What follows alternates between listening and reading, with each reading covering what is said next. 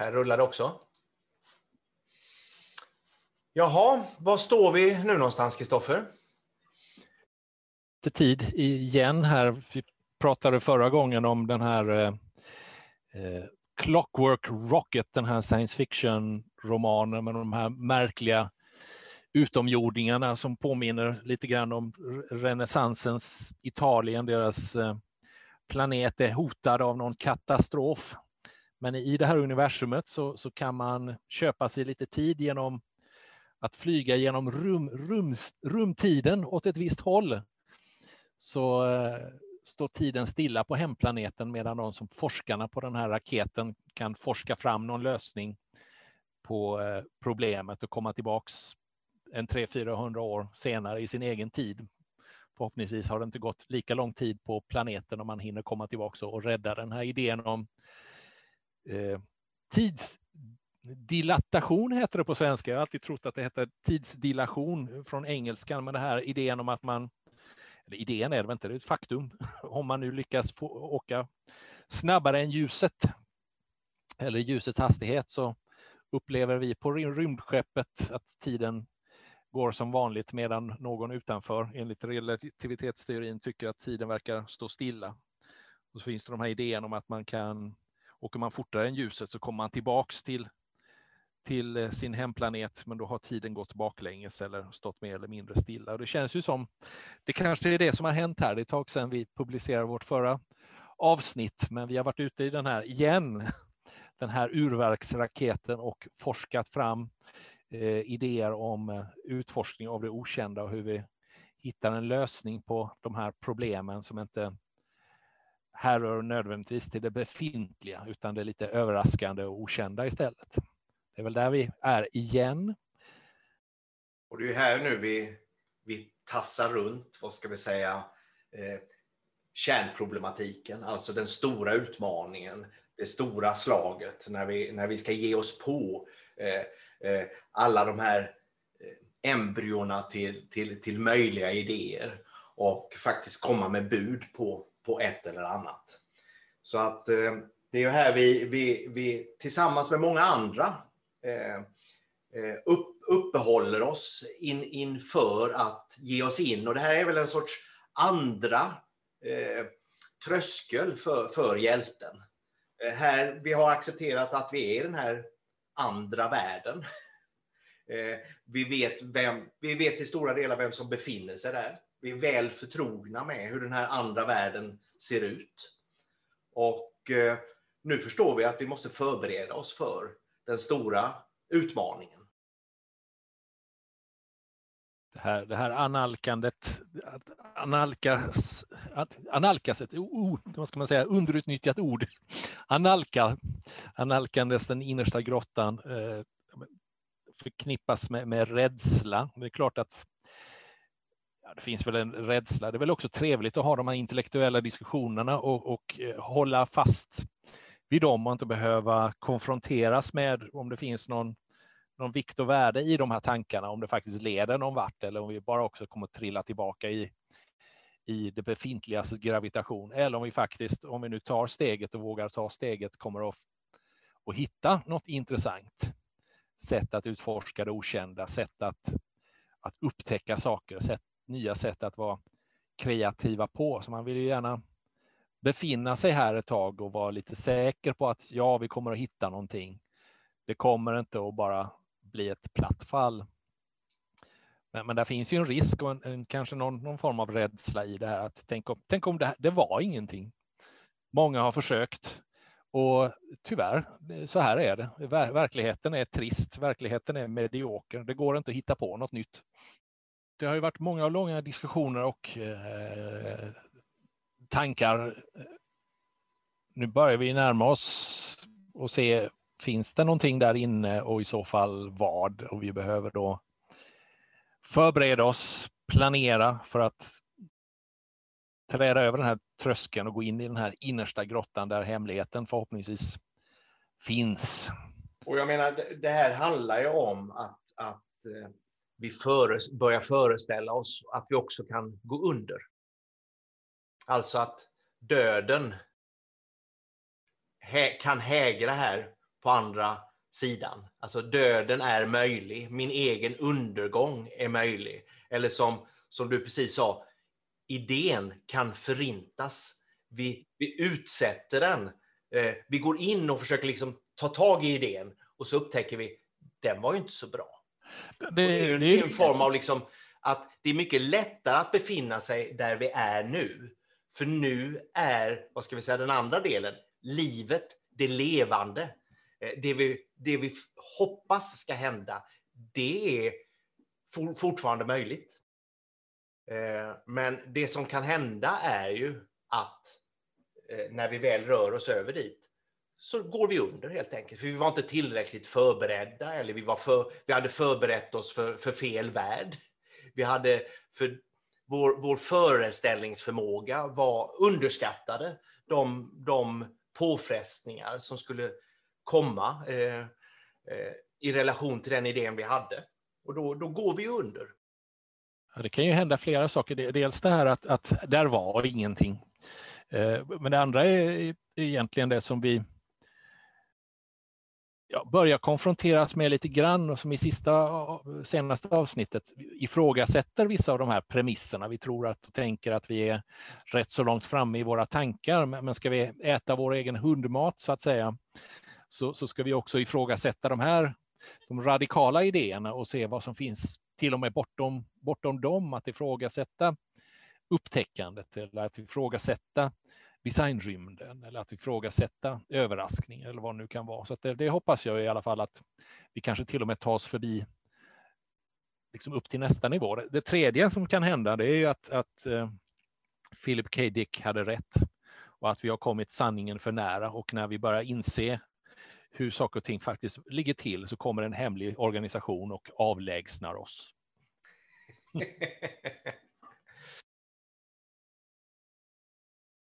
Men jag tänker vi siktar kanske på den mellersta där, liksom att, att ta oss bortan och, och hoppas att den här Philip K. Dick-organisationen eh, låter oss hållas tills vidare.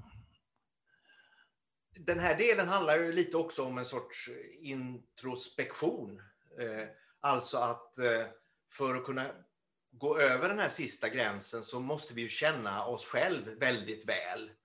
Och vi har ju i, i förra avsnittet så pratade jag liksom vad i omgivningen kan vi dra nytta av och vad, vad kan vi lära oss? Eh, och det är ju kanske rätt så medvetna processer, men vi behöver ju också kanske då få tid att, att låta alla de här sakerna falla på plats och mogna. Och det som liksom i, i kreativitetsteorin kallas eh, då för, för eh, inkubationen. Alltså att vi måste få lov att låta det undermedvetna Eh, reda ut alla de här medvetna sakerna som vi har utsatt oss för och kanske låta dem foga samman på nya sätt så att det kan bringa andra klarheter än de klarheter vi kom in med från början. Alltså att vi får nya tankar och idéer eh, tillbaka till vårt medvetande från de sakerna som vi fick överlämnade till oss som vad ska vi säga, rationella och, och, och och, och eh, färdigtänkta saker. Vi kan inte bara använda dem rakt upp och ner, utan vi måste också låta dem fästa på oss själva. Vi måste göra dem till en del av det vi själva kan och vet. Ja, det är förtjänsten med urverksraketen, att, att vi har rest på den ett tag och nu kommer tillbaka och börjar se vad som är viktigt eller vad som är faktiskt. Eller, eller bara konstatera att det här som vi har pratat om i, i serien här och, och, det som har hänt sen sist är ändå att ja, men nu börjar det utkristallisera sig, det börjar landa, det börjar sätta sig att det, det är den här avgränsningen, det är de här idéerna som, som är kärnan eller det, det här i första hand som vi ska söka. Och vi har ju lite bud på det i, i det här avsnittet, vad det skulle kunna vara. Liksom, vad, vad, är det, vad är det vi har lärt oss av, av våra tidigare mentorer eller de som har anträtt resan innan. Vad tar vi avstamp i? Var börjar vi någonstans och vad bygger vi vidare?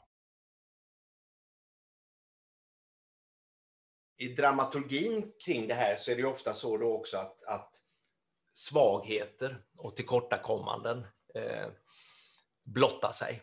Alltså man förstår att, att eh, eh, det här kan jag väldigt lite om, eller det här förstår jag inte, eller detta är en svaghet. Och då, då får man ju välja sig att förhålla. Ofta är det i, i, i, i dramaturgin någon form av fobi eller skräck eller någonting som, som man vet kommer att kunna utnyttjas av, av det man möter längre fram. Så där, där blottar ju sig också hjälten på olika sätt. Och vi ser kanske några fåfängda försök från hjältens sida att försöka stärka upp de, de delarna och på det sättet eh, mer rationellt eh, förbereda sig för en, för en utmaning man vet ska komma.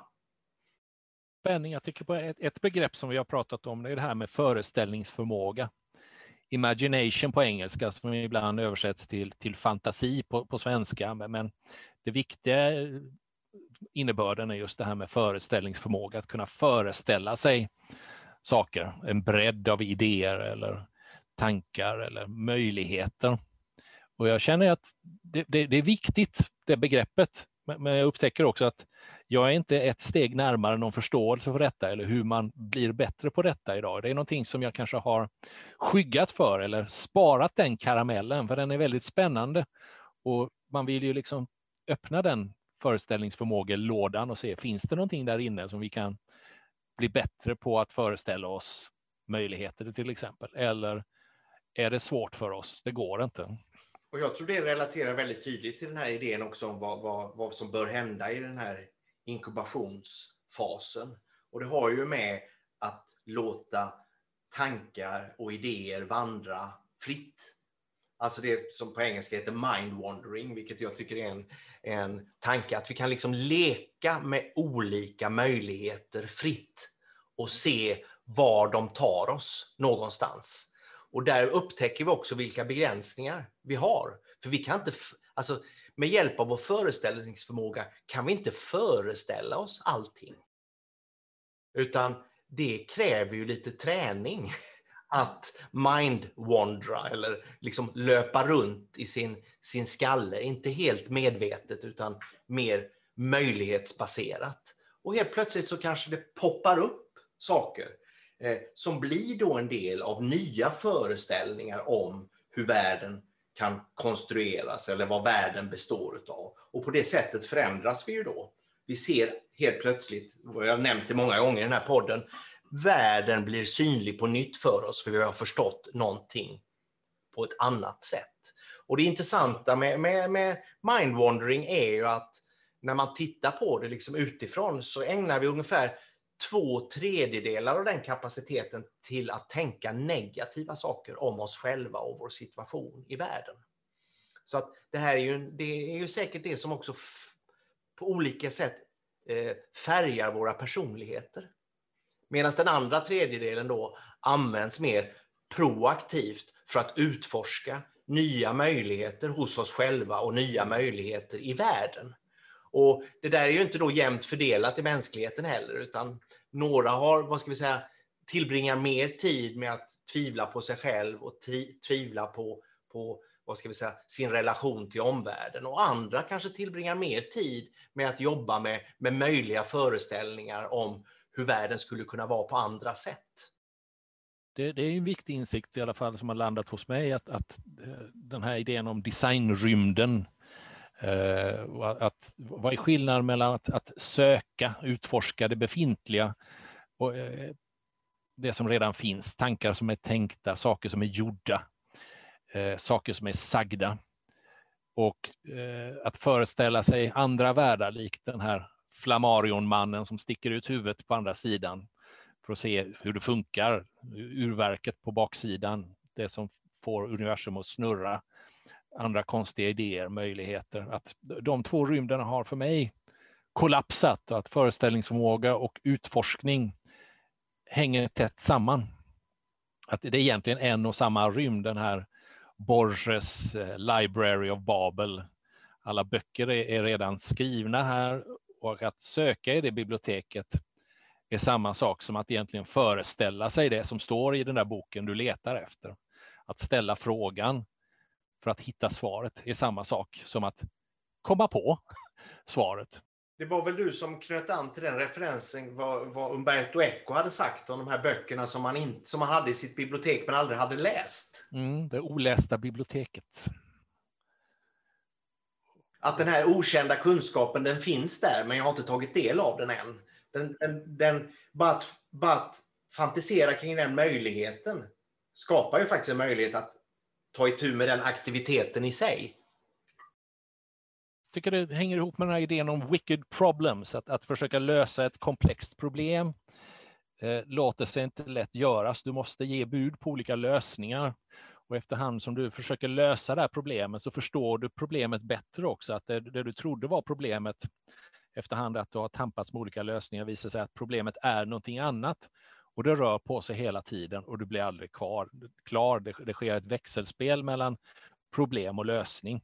Och det är lite samma här, att, att vi är i en situation nu där det genereras otroligt mycket information, data och kunskap i varje andetag här. Att för varje år så kanske det genereras lika mycket information som under hela historien innan.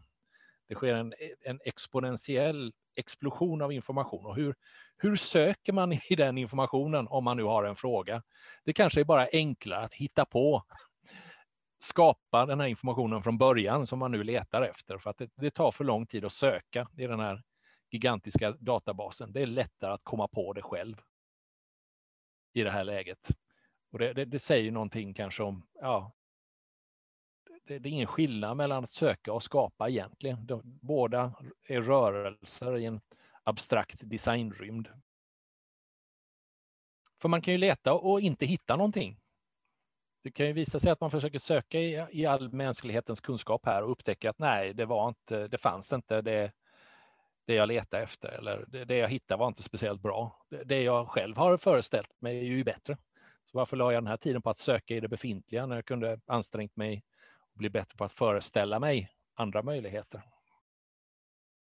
Och sen kan man ju slå knorr på sig själv som, som i den här dikten av Bruno Coöyer. Att, han säger, jag har letat efter något att leta efter. Precis, hur vet man om jag ställer en viss fråga? Det är den bästa frågan att ställa eftersom det finns en hel rymd av möjliga frågor att ställa.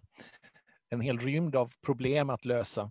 Och hur vet jag att, att det här är den giltiga, eller mest viktiga eller mest intressanta? Sannolikheten är ju liten egentligen. Ehm, om, man, om man har sysslat en del med, med liksom världsbyggande genom design eller skapande, som vi båda har hållit på med, eh, så, så får man ju just leta efter väldigt mycket svar som man trodde att man aldrig skulle behöva söka frågorna, alltså söka svaren på. Alltså jag tänker att jag har hållit på, det vet jag att du också har hållit på, vi har hållit på med olika rymdskepp till exempel. Och varje gång jag återvänder till det projektet så, så kommer jag ju dit med en drös med nya frågeställningar. Och så får jag revidera saker och ting som jag gjorde eh, för länge sedan. Men det projektet håller de här tankarna vid liv av att liksom utifrån en design kunna förstå Eh, det omkringliggande universumets alla andra konsekvenser av varför det ser ut och verkar precis på det här sättet. Det, ska ju, det är liksom att förklara ett universum genom en artefakt. Och den artefakten ska man själv då bestämma. Och det får ju jättestora konsekvenser i varje, varje del man gör. Att liksom tänka in det. Är det här rimligt att det ser ut eller fungerar på det här och det här sättet?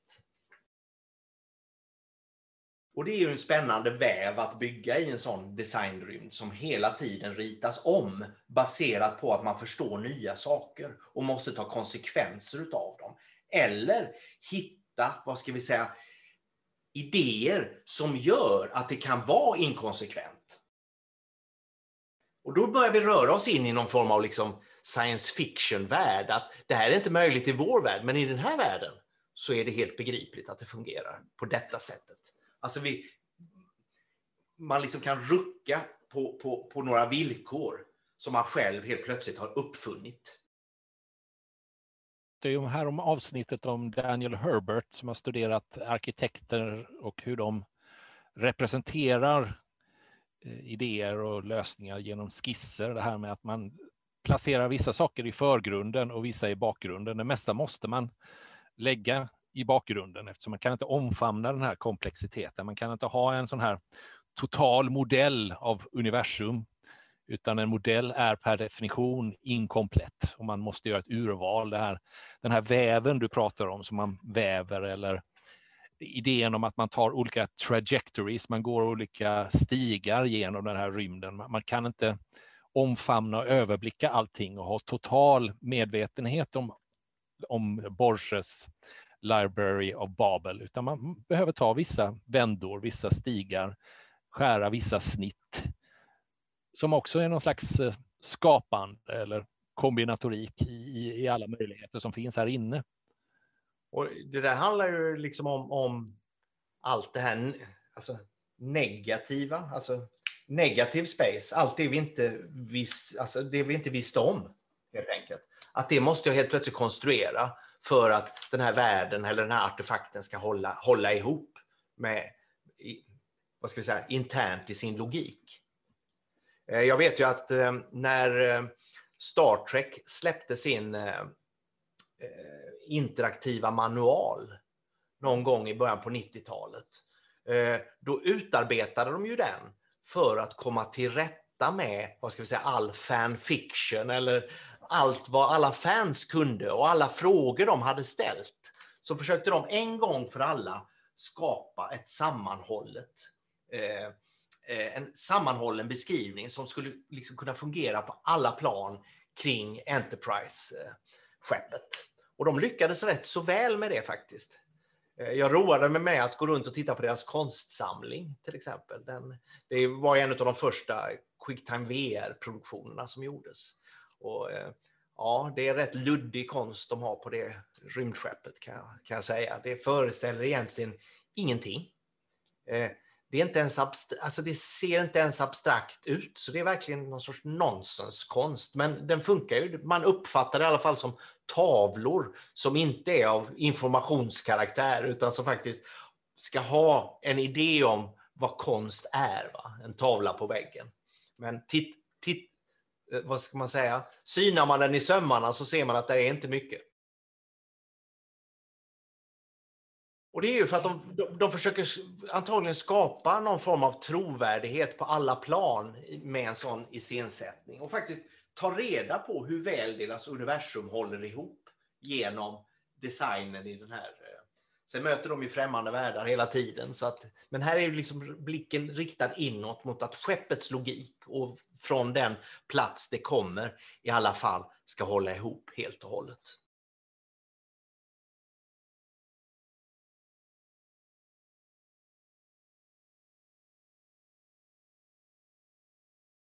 På dålig svengelska, någonting behöver ha, hur, hur hänger det ihop?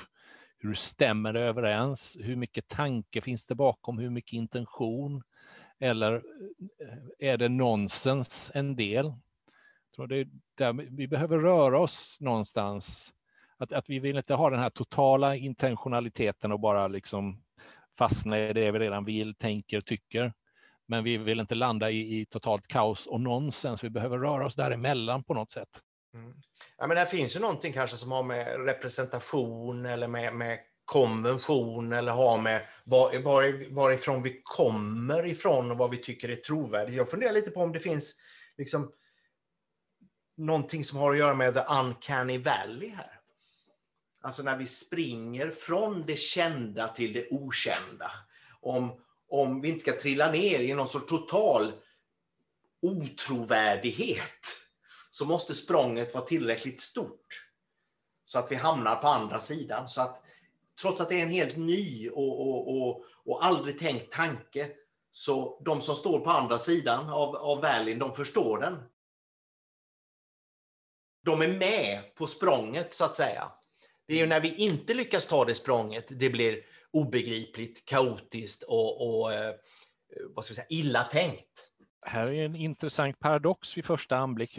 Det är två kreativitetsforskare, jag tror vi har eh, refererat till Margaret Bowden flera gånger, just det här att, att kunskap konstrueras. Och kommer vi på idéer som är för mycket out there så kan vi inte vi själva eller ens någon annan ta till oss det här, utan det, det måste ändå finnas liksom någon form av stepping stones eller en, en, synlig väg tillbaka från de här hoppen.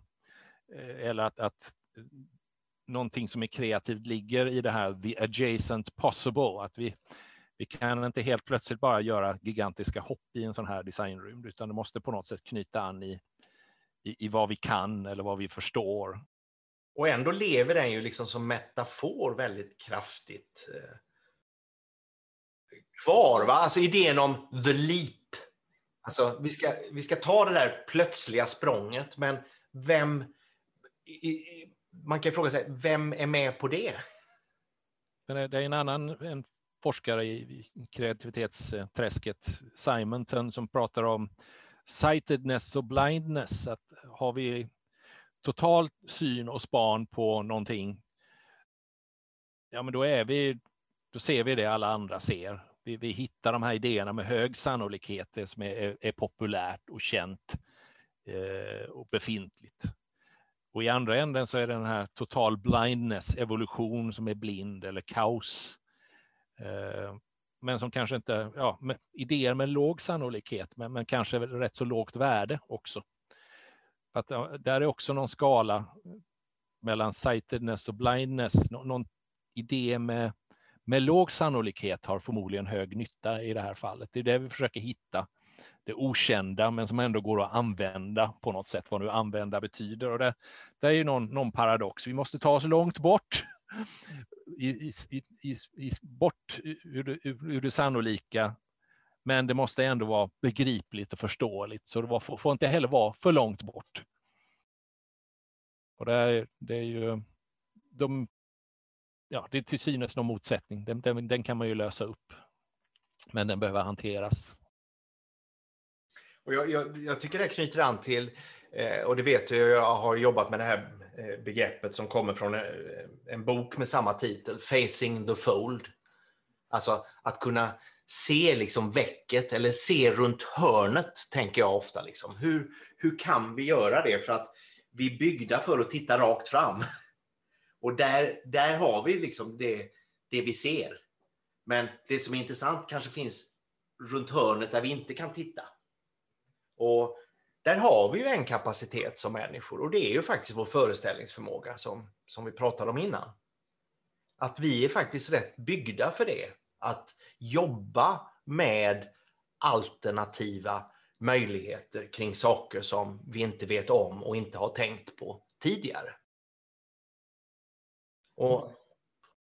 Om, fyra sätt att se, insight, foresight, eh, oversight och hindsight. Oversight är ju missa saker, hindsight är ju att blicka tillbaks. Och det är inte oviktigt att kunna värdera det man upptäckt, men just det här insikten eller foresight, det du säger, att kunna förutspå eller blicka in eller vara byggd för att, att predicera. Det är ju någonting här med, med seendet och imagination. Ja. Och jag tror att när man tittar på, på forskningen så säger man så här att förespå framtid är väldigt svårt. Alltså om vi skulle få statistik på det så skulle väl alla förutsägelser, ja, de skulle inte hamna, de skulle inte ratas speciellt högt. Va? Eh, men jag tror inte att man ska tänka på det på det sättet att det ska bli exakt så som vi, föres, alltså, som vi föreställer oss. Utan det är själva övningen i sig som är det viktiga.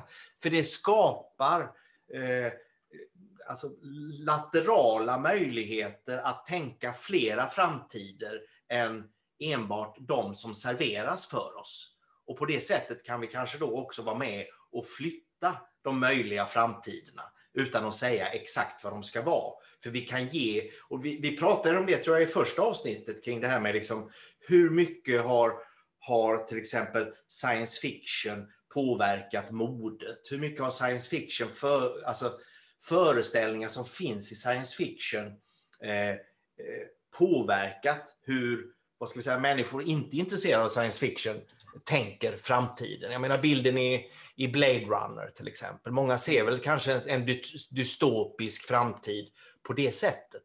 Det de inte tänker på att ja, i Blade Runner missade man mobiltelefonen till exempel. I Blade Runner så ringer alla i telefonhytter som står utplacerade på stan. Så att där, där hade man ju liksom svårt att, att, att, att tänka man hade en väldigt utpräglad estetik, men man hade kanske inte lika utpräglade och detaljerade tankar om hur framtiden ser ut. Man flyger, men man ringer fortfarande i telefonkiosker. Ja, jag tror det här finns ju ett par saker och det, är, det är just det här, precis som du säger, att, att det är inte så intressant att förutspå framtiden och få någon slags överensstämmelse i procent. Så här blev det, utan det är mer eh, att om vi pratar om scenarioplanering till exempel, att utmåla möjligheter. Sen kanske ingen av de här eh, möjligheterna kommer att infalla exakt exakt, utan vi ser kombinationer av dem. Det viktiga är att utforska inte bara möjliga framtider, utan det science fiction egentligen gör är ju att utforska nutider. Det är en kommentar på, på det vi håller på med. Och Blade Runner handlar inte nödvändigtvis om mobiltelefoni, utan det handlar ju om vad är en människa och vad är en maskin? Och när gränsen är väldigt hårfin, hur fattar vi ett beslut om vem som är en slav och vem som är en, en herre? Vem bestämmer? Och kan man behandla folk hur, hur som helst? Så det är det som är i förgrunden i, i Blade Runner. Men det, det, Blade Runner fortsättningen då, 2049, om man tittar noga, för de, de bygger de här världarna väldigt detaljerat, så ser man ett hologram som antyder att Sovjetunionen finns 2049. Så att det är ju någon slags förklaring att det här är ett parallellt universum också. Det är inte bara en, en möjlig framtid, utan det är, en, det är en alternativ tidslinje också, säger uppföljaren här. Sovjetunionen finns, ingen använder mobiltelefoner, men bilarna flyger och eh, robotarna eh, har mänsklig form. Och vi behöver fortfarande maskiner som talar om för oss vad det borde innebära att vara en människa. För det har vi själva glömt bort. Det är flera. Det, menar, det finns ju möjliga framtider, men det finns också möjliga samtider och nutider. Det finns möjliga baktider. Jag menar, ju mer man forskar om historien, desto mer lär man sig om hur det var egentligen. Eh, vem var det som kom på den här uppfinningen egentligen? Vad var de betydelsefulla människorna egentligen? Fanns den här dinosaurien överhuvudtaget? Nej och så vidare. Det är ju bara nya sätt att se på, på informationen och inte bara i framtiden utan vi, vi kan uppmåla scenarion för hur det är nu eller hur det har varit och Drar de sig till sin logiska spets. Om vi tittar på 1700 och 1800-talet på andra sätt, andra scenarier, så kanske vi måste se på vår nutid, konsekvenserna i vår nutid på andra sätt, givet om vad vi har spekulerat kring, kring baktiden. Och det tycks ju vara lite besvärligt idag, just att få låta tiden, alltså hur tiden var vid, vid ett bestämt tillfälle i historien, att förbli så. Jag menar, där är vi ju redan idag inne och suddar ut historier. Eh, tar bort saker ur historien eh, för att det ska passa hur vi är här och nu. Eh, och det blir ju lite märkligt. Hur ska vi då kunna lära från historien när historien skrivs om av oss så att det passar här och nu? Eh, att, att foga ihop det universumet så det hänger ihop, det, det är också en sån här Eh, som Star Wars också brottas med, retconning, att man, man skriver om universumet och vad som är kanon och inte kanon och eh, vilka karaktärer och, finns med och vad hände egentligen och hur förklarar man att den och den filmen inte riktigt hänger ihop med någon slags bak, bakåtriktad historieskrivning. Man retconnar. Hur kan man planera för sånt här då? Som vi sätter oss ut för nu. För det, det ingår ju också här att man, nu vet man var man, var man ska någonstans. Och man har kanske lite kartor och planer och information som man på något sätt ska ta tillvara på. Och, och, och göra sig betjänt utav för att skaffa sig en en fördel. Eh, och här knyter ju kartan lite an till eh, eh också föreställningsförmåga. Att kunna planera för vad som ska hända. Eh. Påminnelse för allt, allt sånt som när, när, allt är möjligt så, så behöver man ju något sätt att bestämma sig eller att välja. Och här är några vanliga kandidater till det. Det är dels den här idén om desiderata, vad vill man för någonting? Eller intentionen, man är bespetsad på någonting, tar ut en viss riktning. Eller att man vet inte riktigt, man, man är nyfiken på någonting. Eller där är något intressant, inte nödvändigtvis av värde, men, men tillräckligt lovande för att man ska vilja gå runt kröken och se vad som döljer sig där bakom. De, de, vet man ingenting så, så är väl det här de någon form av rättesnören. Sen blir det ju det här att vi, vi måste också ifrågasätta dem. Är det det här vi vill egentligen? Är det här vår intention egentligen? Varför är detta intressant och varför är jag nyfiken på just det här och inte på något annat? Och så kan man hålla på liksom ad infinitum och ifrågasätta alla de här. Men det är väl ändå bra att vara, vara eh, vad ska man säga, kreativt kritisk mot vad man vill, sin intention, sina intressen och sin nyfikenhet. Just för att det, det är de som är det enda vi kan falla tillbaks just på just nu i alla fall för att bestämma oss för var ska vi gå och därmed hur ska vi planera detta. Agerar kanske då eh, snarare med en brist på information än att stanna kvar och hela tiden föreställa sig att man inte vet tillräckligt mycket. Så det är en, man, ska ge sig ut där ute och, och, och och utnyttja intresse, nyfikenhet, intention, desiderata, men att också vara öppen för att de ska ändras. Eller vara öppen för andra infall, den här skalan mellan sight, sightedness och blindness. Att, att inte låta slumpen styra totalt, men att den ska finnas där. Att inte låta intentionen styras styra totalt, men den ska också finnas där på något sätt. Och jag menar, här har vi, här har vi ju liksom ett helt spektra och det är ett spektra med, med mycket komba, kombino, vad säger man? Alltså att det, det, kan kombineras på väldigt många olika eh, sätt. Vi har ju ett, ett, alltså någonting som är välplanerat. Alltså jag planerar min attack in i minsta detalj. Eller jag accepterar inte, eller jag, jag, jag erkänner inte ens min, min fiende eller det jag ska erövra, utan jag bara ger, jag bara ger mig in där. Alltså, hit by surprise. Alltså, att, ja, men det förväntar vi oss inte att de skulle göra. De kom från ingenstans och alldeles för tidigt. De ska ju vara där ute och bygga upp en form av logik och rimlighet innan de ger oss på oss. Men helt plötsligt så är det bara någon som slår upp salondörren och konfronterar bossen direkt. Om vi pratar liksom spel och, och film. Och den är ju förekommande. Det, det, är väl någonting med den här väven och snittet, olika vägar in här. Att vi ska inte ha en plan och ett angreppssätt och en väg in här, utan flera olika. För då kommer vi upptäcka olika saker på olika sätt. Det, det tror jag väl är en, en, ett sunt angreppssätt, den här idén om divergens eller variation. Att, att, att det finns inte en lösning på det här problemet hur man upptäcker saker och överraskar sig själv genom skapande, utan det, det måste vara flera vägar som ska prövas här för att vi får lite ja, scenarion igen, olika sätt att och det understryker ju kanske då att vi måste ha en form av robusthet för att kunna ge oss in här, för vi kan, vi har en arsenal av möjliga eh, lösningar att, att ta i bruk när vi stöter på problem som vi inte har mött på tidigare. Fungerar inte det ena så kanske det andra fungerar. Utforskning är ju sunt där, för det, det betyder att, att ja, det är en vit fläck på kartan, den, den, mörka kontinenten Afrika som vi inte vet någonting om. Och, men vi antar väl att Nilen har någon källa och att, att där, där, finns någonting där inne. Vi vet inte vad, men, men, vi behöver utforska den här vita fläcken.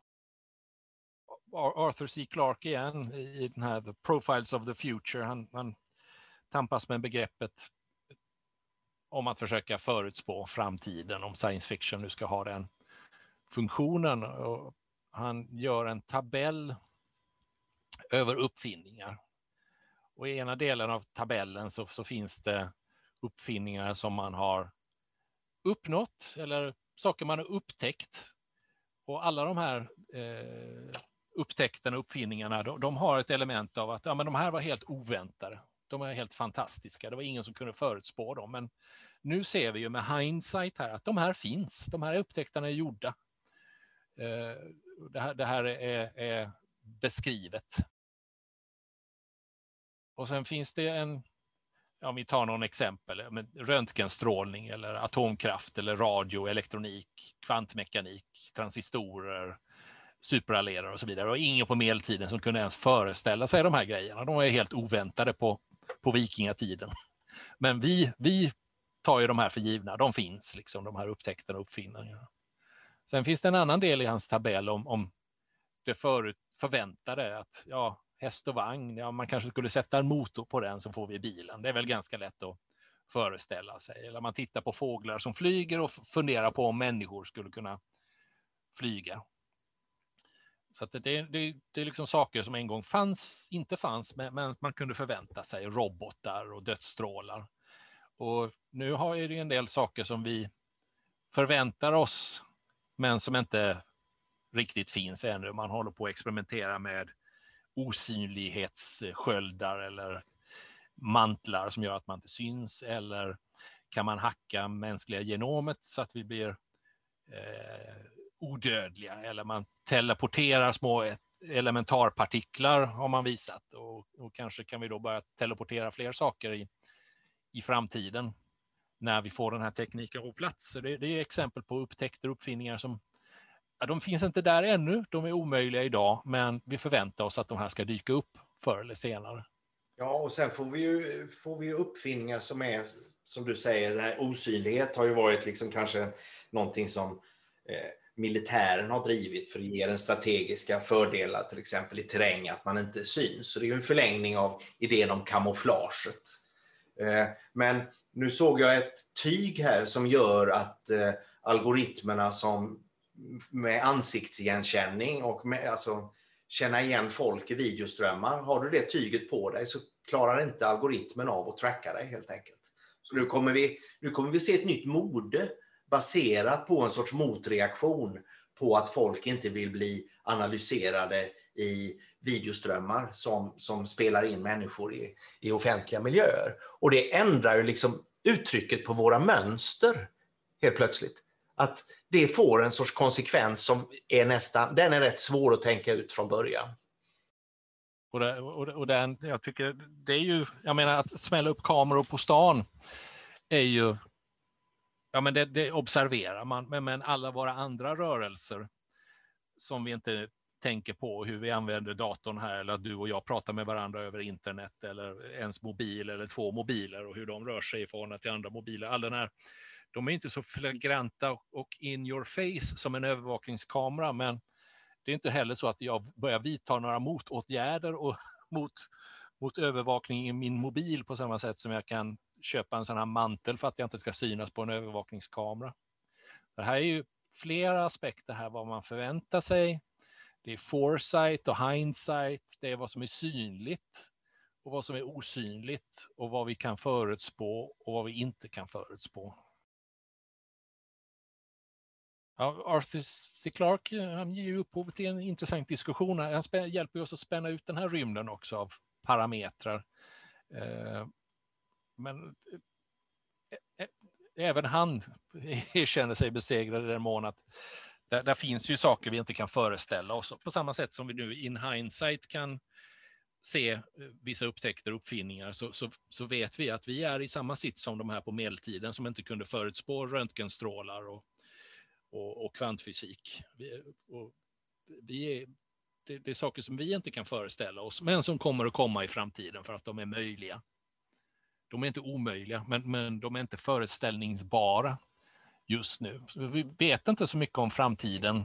En del vet vi och, och kanske kommer det här med teleportation eller osynlighetsmantlar.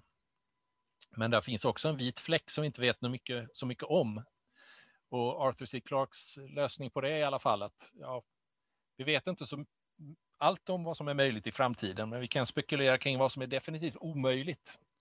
Och då får vi någon slags gräns runt den här vita fläcken, runt den här okända landskapet, runt den här delen som vi behöver kartlägga. Och i den finns det saker som är möjliga, men vi kan inte förutspå dem idag. Vi kan inte förutsäga dem idag. Så där, det, det är intressant. Vi vill hitta gränsen och sen vill vi kasta oss in där med olika metoder, olika datoriska stöd. Mer eller mindre intentionella eller slumpmässiga. Och vi kommer säkert att hitta spännande saker.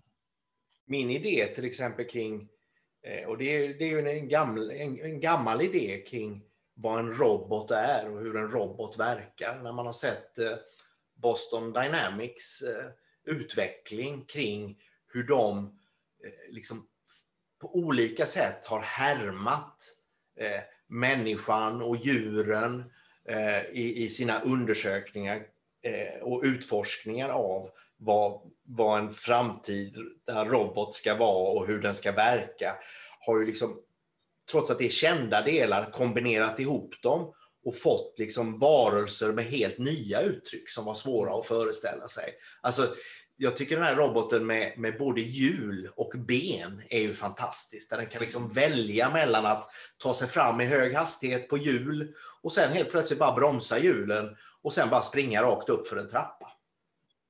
Eh, så här leder ju, vad ska vi säga, här är vi inne på någonting som, som som idé har varit svår att föreställa sig. Hur ska robotar hantera vår mänskliga förmåga att balansera?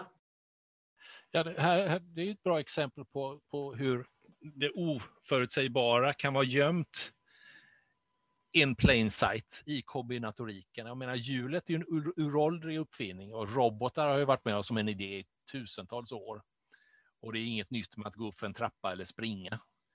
Och en förhållandevis enkel kombinatorik här blir överraskande. Så det, det, finns ju en oändlig, oändlig mängd möjligheter dold i den kombinatoriken också. Man behöver inte nödvändigtvis ge sig ut i, i den vita fläcken, utan man kan titta runt i det, i det befintliga, i the actual, i det känt kända och, och börja kombinera element som tidigare var okänt okända, som tidigare låg dolda men möjliga. Och, och det, jag tycker att det finns något lite otäckt i de här robotarna också, att de både är agila och robusta. Så att eh, man får ju en liten föreställning här om hur ett samhälle skulle kunna se ut där, när vi var, vad ska vi säga, styrda av den här typen av, av varelser som reglerade vår rörelseförmåga och föste ihop oss på kvällarna, och, eller vad det nu kan vara för någonting. Och det har ju säkert inte varit liksom, intentionen, men jag tycker den, den finns ju där som berättelse. För nu börjar de bli mer de börjar, de börjar liksom närma sig våra förmågor. Och vad gör vi när de, vad ska vi säga, passerar dem?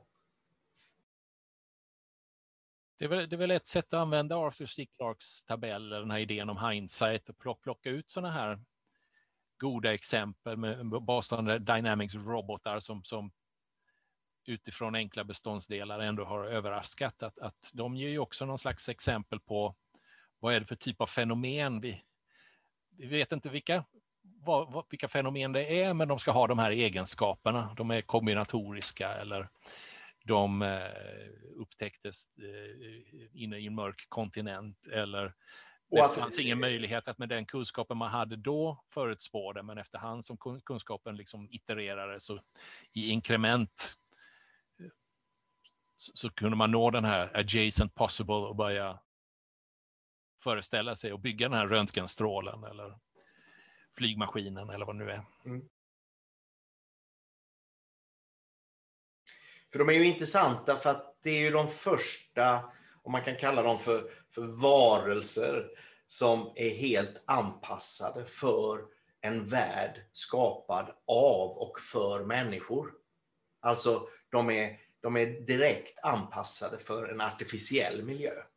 Alltså, de är inte anpassade de är ju också anpassade för naturen för att de ska kunna bära saker och ting. Men jag tänker mycket av de tillämpningarna vi ser nu är ju just lagerrobotar, vaktrobotar, alltså miljöer som vi har konstruerat från början. Och där visar de att just i sin, hur de är kombinerade ihop, att det kanske inte en, en naturlig evolution hade kommit fram till. För vi, eh, vi har utvecklats alldeles för kort tid i förhållande till de här artificiella miljöerna. Så nu använder vi robotarna liksom att konstruera varelser som snabbare kan anpassas efter dem. Tänker jag på två saker. Dels eh, i, i, naturen och biologin. Craig Venter som, som var en sån här förgrundsfigur i det här med sekvenseringar och det mänskliga genomet. Man trodde att det skulle ta tio år, men efterhand så upp, utvecklades den tekniken för sekvensering så pass snabbt att man blev klar mycket, mycket tidigare. Och att, att där sker en exponentiell utveckling i hur man lär sig om hur olika biologiska varelser och DNA är uppbyggt när man håller på och sekvenserar olika varelser, allt från bakterier och uppåt. Och han, han hade ett annat projekt sen, han gav sig ut på fisketur på de sju världshaven och bara hissade ner en spann typ i, i havet för att fiska upp DNA som ett sätt att kartlägga den här oändliga rikedomen av biologiskt liv som finns i havet som vi inte vet någonting om egentligen. Och varje gång så blir de överraskade och det här är egentligen bara någon form av sampling. Man, man, man mer eller mindre slumpmässigt skickar ner en spann i havet och se vilken typ av DNA man får upp. Och sen kan man ju göra modeller och skatta. Hur mycket har vi ännu inte upptäckt? Och det är en gigantisk mängd att, att, att man kan räkna utifrån de här samplingarna att ja, men det DNA de har upptäckt står i linjär proportion till det de ännu inte har upptäckt, det vill säga där finns väldigt mycket DNA där ute som vi inte känner till ännu. Man kan hålla på och fiska ett tag till. Och den här, det här är ju liksom kodsnuttar till biologiskt liv som har, gör olika saker, som programmerar olika saker som man sen kan använda till andra ändamål i medicin eller syntetisk biologi. Så det, det, är, det är liksom som att fiska ute i någon designrymd av kod som man sen kan använda till andra ändamål. Det är ju liksom att fiska ut i det biologiska, men det du säger, det är ju de här robotarna som är designade för den artificiella världen. Det finns ju sådana här eh, sätt att kartlägga och uppfinningar, TRIZ-systemet från Sovjetunionen till exempel, där, där man har kategoriserat patent, uppfinningar, ingenjörsuppfinningar i olika kategorier och hittat någon slags underliggande princip eller någon slags övergripande DNA för en, en teknisk lösning. Det, det är en annan typ av designrymd som, där man skulle kunna... Ja, vad, vad, vad är de sovjetiska patenten heltäckande eller saknas det några uppfinningar som inte gjordes i Sovjetunionen? Eller eh, om, om man nu ska dra analogin till att fiska DNA i haven, finns det liksom en totalitet här av tekniska lösningar, kodsnuttar för att uppfinna saker. Och där skulle jag säga, där är vi nog bara i början på den. För jag menar, vi har inte, vi har inte sett kombinationen av biologi och, och maskin eh, i några större utsträckningar än. Va? Där, man, där man kanske liksom föder fram olika nya varelser. Eh, så det, kom, det, kommer vi att få se bud på. Men det, det, jag tänker på det här med att fiska i haven. Jag menar, vi har ju idag en massa ytor som har varit täckt med is. Där det ligger saker som är okända för oss. Bland annat då bakterier och virus som kanske har försvann för länge sedan. Men som helt plötsligt kommer att levandegöras och kanske utgöra hot mot hela mänskligheten. Och hur, hur upptäcker vi dem och var är de?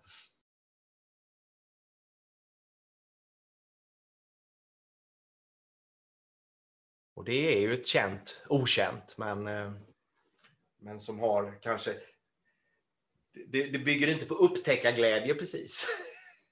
Utan det bygger mer på att vi måste ha en beredskap och vi måste ha, ha ett skydd mot detta. Och hur, hur skapar vi det? Och hur, hur hittar vi fram till de här platserna så vi kan isolera det eller göra det...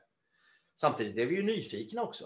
Alltså, det kanske innehåller bot till en massa saker som vi, som vi tampas med, alltså till sjukdomar etc. Så att lösningar kan ju finnas där också som är av oväntad natur. Ja, där är det här vi har pratat om Steven Wolframs eh, datoriska universum av kod. Han har utforskat några eh, 256 enkla regler som verkar, ja, eller inte bara verkar, de genererar allt från kaos till, till eh, eh trist regularitet till intressanta, intressant komplexitet. Här måste det finnas något motsvarande i, biologin och i, teknikutveckling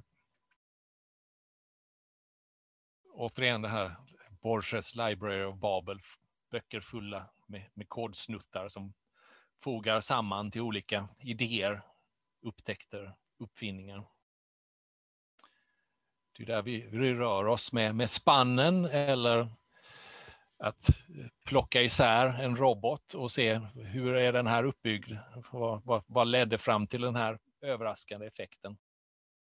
Eller det här viruset under Antarktis is, vad, vad är det som gör att det är giftigt för oss eller, eller kan bota cancer? Och där häpnar vi ju fortfarande vad vi liksom hittar arkeologiskt kring till exempel astronomiska eh, eh instrument som gjordes för, för tusentals år sedan. Som vi har liksom rätt nyligen förstått hur de faktiskt är konstruerade och hur pass avancerade de är. Eh, så där är det ju också en glömd kunskap som vi, som vi återupptäcker. Ja, den får vi kika på. Det var väl den här antikutera-mekanismen, den här ja. urverket som försvann.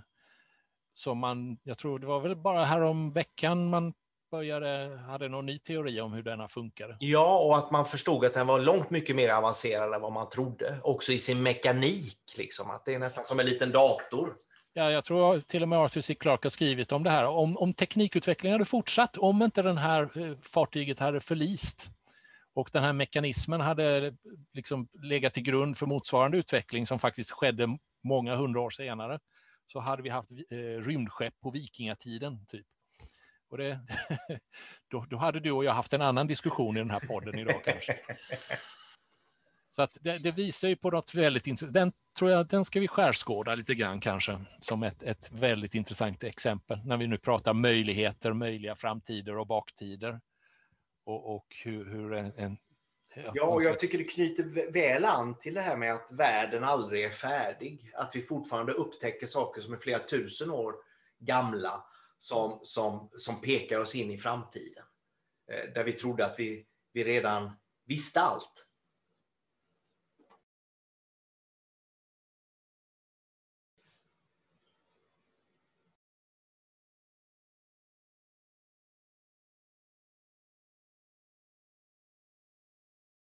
Ja, nu började en, en grej, vi, vi, kan lägga ut den i, i show notes, som ett roligt eh, sånt här TED-talk jag såg. Eh, Adam Savage, han som är med i de här, eh, en av, av de två som ligger bakom de här Mythbusters, som, som eh, debankar olika filmtrick eller teorier genom experiment, spränger saker i luften för att se om det funkar eller inte funkar. Eller den här Breaking Bad, kan man lösa upp en kropp i, i ett badkar med hjälp av syra eller inte? Och det testar de ju såklart. Han är också sån här science fiction-nörd eh, och bygger egna props av lasersvärd och, och stormtrooper-kostymer och så vidare.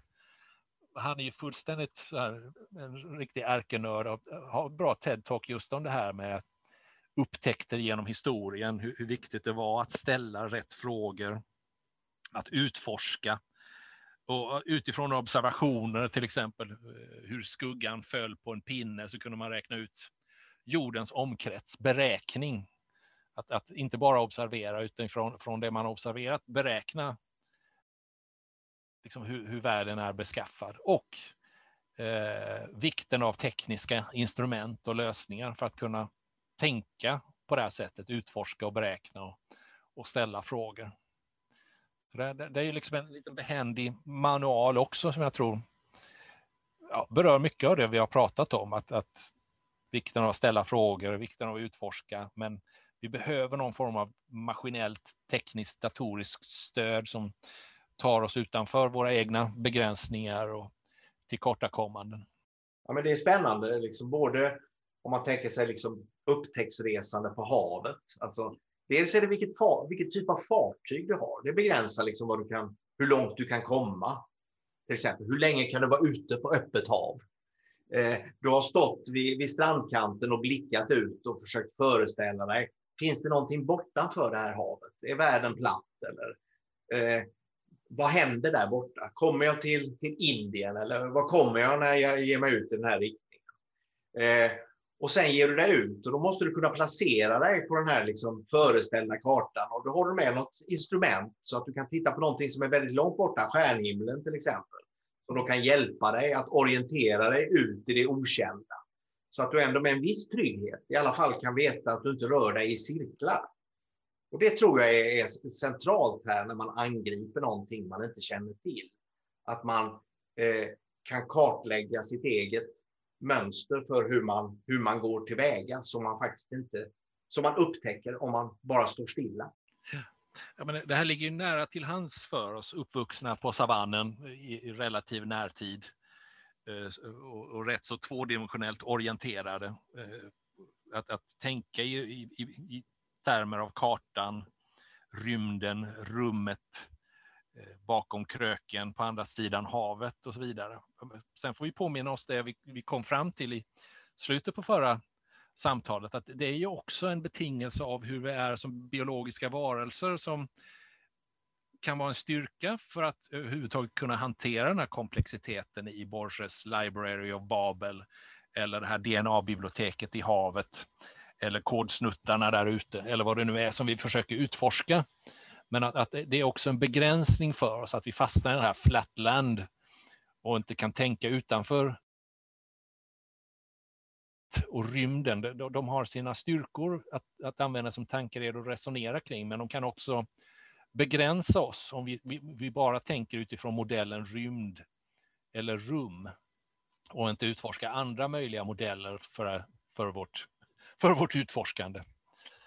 Jo, och det, det ligger ju väldigt mycket då i, i, i det här med som du frågar får du svar. Alltså, de maskiner, de processer, de metoder du använder för att ge dig ut på det här, de kommer också bestämma till stora delar vad du finner. Det här eh, Sapir-Whorf-teorin om att, att de ord vi använder formar vår kognition. Så det är klart, pratar vi om utforskning så är det ju så vi kommer att tänka.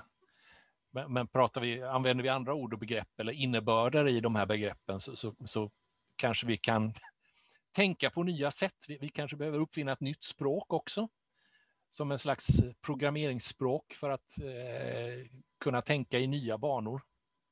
Eller Gerd Gigerenser som har konstaterat inom bland annat, eh, jag tror det är kognitiv psykologi, att det är klart att de instrument vi använder formar också våra teorier, det här om att ja, på 1800-talet så var ångmaskinen väldigt en vogue. Och det är klart att då bör man fundera kring människan och psyket. Freud, du vet, liksom, människan är, en, är som en ångmaskin med det pyser och det är ett tryck och man behöver släppa loss och det finns något under ytan. Eller att man studerar hjärnan med hjälp av datorer och så börjar man fundera kring om hjärnan kanske är en dator och människan kanske är en robot att, att metoderna och instrumenten och verktygen vi använder för att studera och förstå vår omvärld formar också den här bilden av vår omvärld och blir modellen för oss själva och omvärlden om man inte passar sig noga.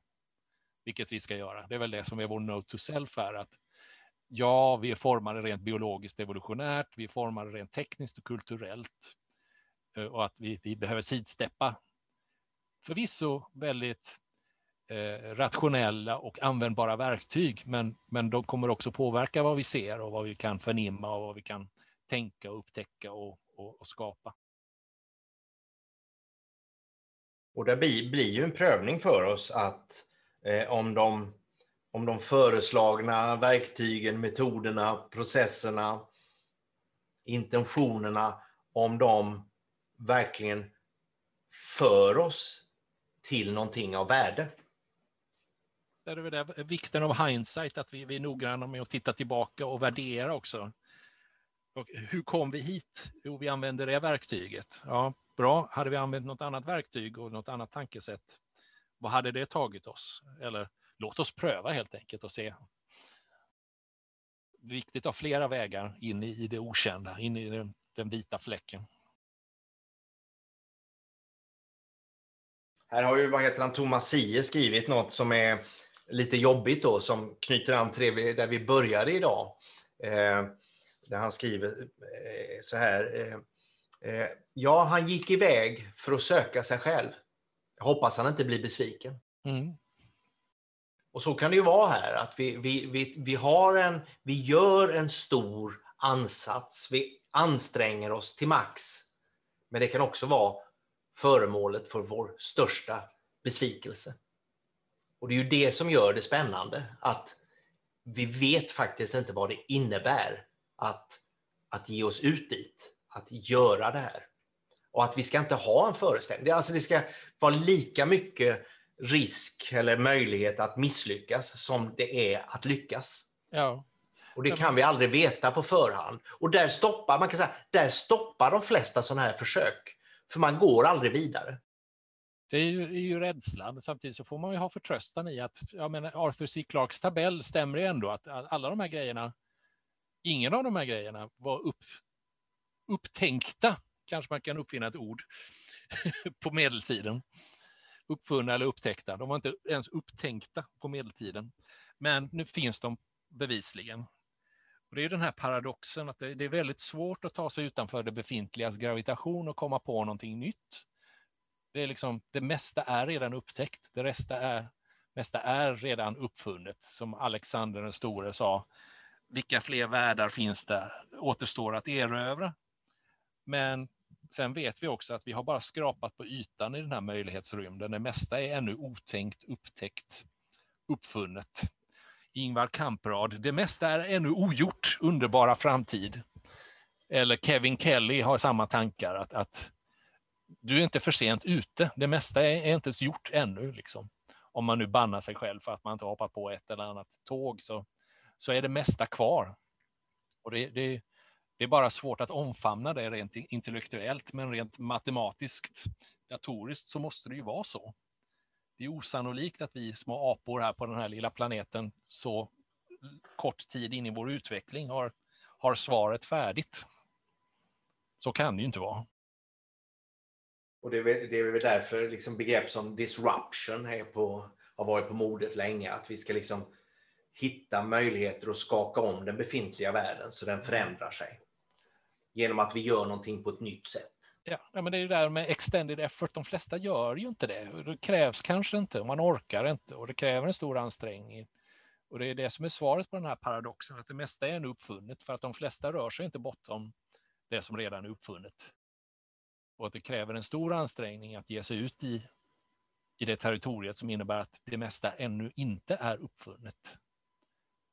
Det kräver mycket. Det kräver att man är medveten, det kräver att man har de här diskussionerna som vi har och att man sen faktiskt tar steget och att man faktiskt misslyckas och det mesta kanske var skit, men man hittar faktiskt någonting som man kan bringa tillbaks av värde också. Det måste ju vara förhoppningen.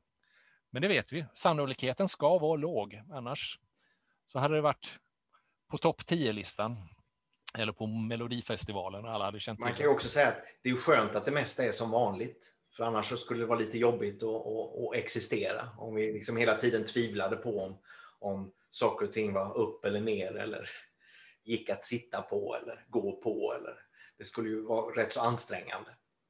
Om, om allt var liksom tillfälliga konstruktioner i ständig förändring.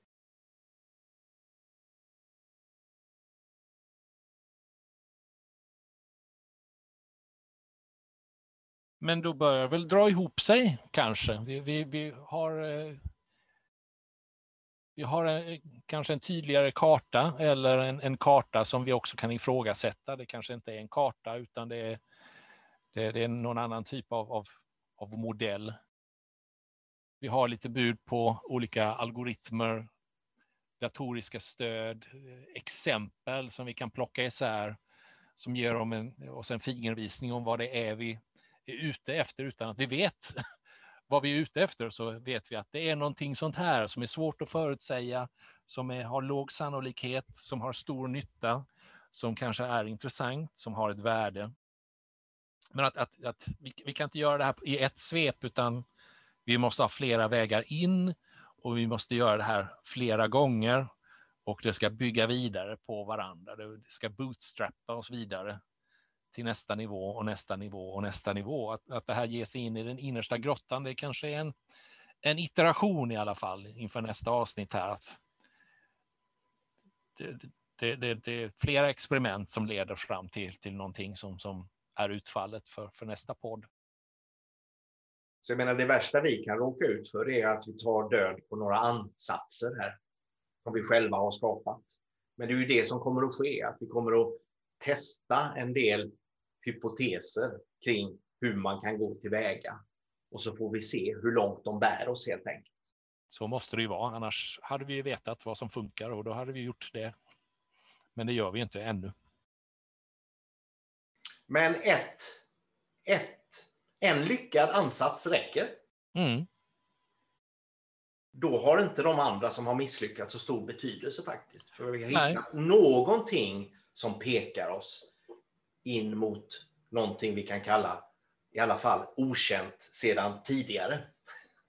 Nej, men låt oss pröva några stycken. Då tycker man att någon av dem borde ge någon form av resultat, eller i alla fall intressanta skillnader dem emellan är ju också information. Någon som är mer eller mindre misslyckat är ju också någon slags lycko, lyckokast. Och givetvis kommer ju också ansatsen att säga någonting både om oss och om de delar som ansatserna består utav. Så här är ju både ett, en, en metodisk och en verktygs och, och, och processutforskning i sig.